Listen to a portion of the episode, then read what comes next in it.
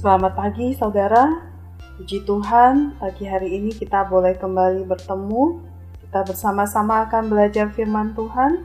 Mari sebelumnya kita berdoa. Kami mengucap syukur kepadamu Tuhan pagi ini Engkau membangunkan kami dengan kekuatan yang baru dan kami sudah siap menyambut hari ini dan kami rindu Tuhan berbicara kepada kami melalui pembacaan dan perenungan firman Tuhan pada pagi ini.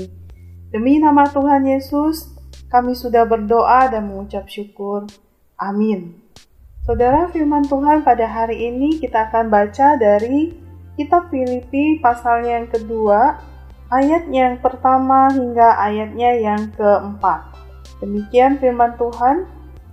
Jadi, karena dalam Kristus ada nasihat, ada penghiburan kasih, ada persekutuan roh, ada kasih mesra, dan belas kasihan. Karena itu, sempurnakanlah sukacitaku dengan ini. Hendaklah kamu sehati sepikir dalam satu kasih, satu jiwa, satu tujuan, dengan tidak mencari kepentingan sendiri atau puji-pujian yang sia-sia Sebaliknya, hendaklah dengan rendah hati yang seorang menganggap yang lain lebih utama daripada dirinya sendiri. Dan janganlah tiap-tiap orang hanya memperhatikan kepentingannya sendiri, tetapi kepentingan orang lain juga. Sampai sejauh demikian pembacaan firman Tuhan. Saudara, tema renungan hari ini adalah menyatakan kepedulian. Saudara, teknologi seharusnya semakin mempermudah kita dalam berhubungan dengan orang lain. Tetapi yang terjadi sering kali sebaliknya.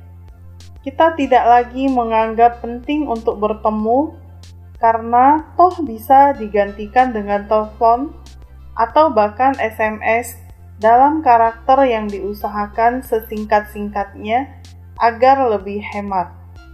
Jika dulu kita memilih untuk bertemu dan memberi ucapan secara langsung pada momen-momen khusus tertentu, sekarang email, jejaring sosial, maupun telepon genggam bisa menggantikan semuanya itu.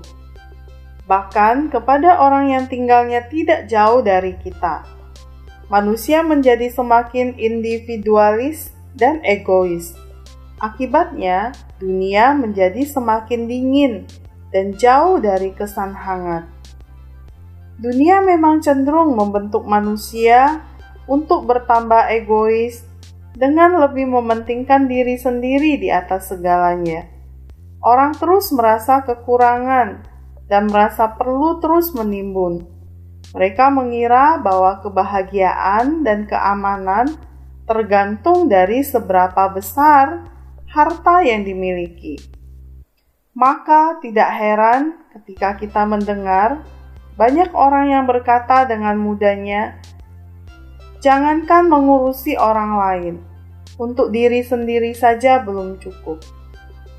Saudara, peduli kepada orang lain sering kali tidak cukup hanya sebatas kata-kata, tetapi sebuah perbuatan pun diperlukan untuk membantu secara nyata Kerinduan untuk memberi bukanlah tergantung dari seberapa besar harta milik kita, tetapi seberapa besar kepedulian kita terhadap penderitaan orang lain.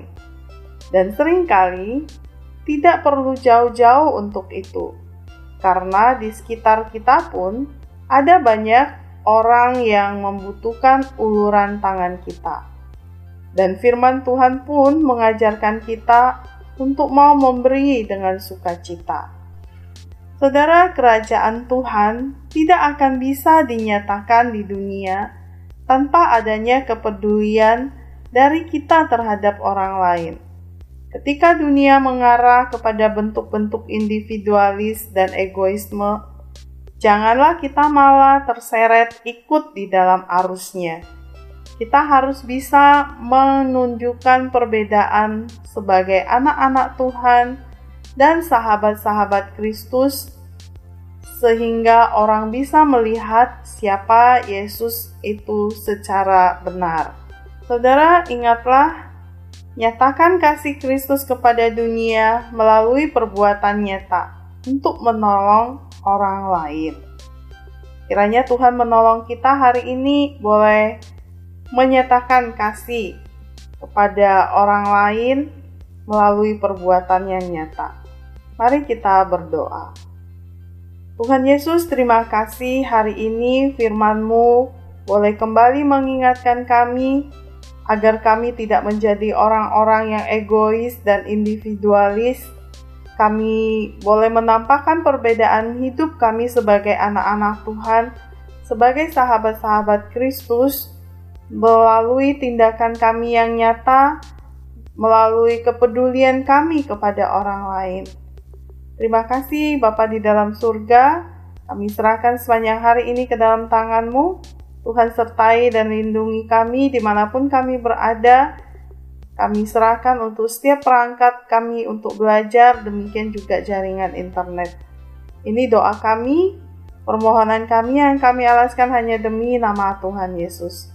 Amin. Selamat belajar bersama Yesus. Aku bisa.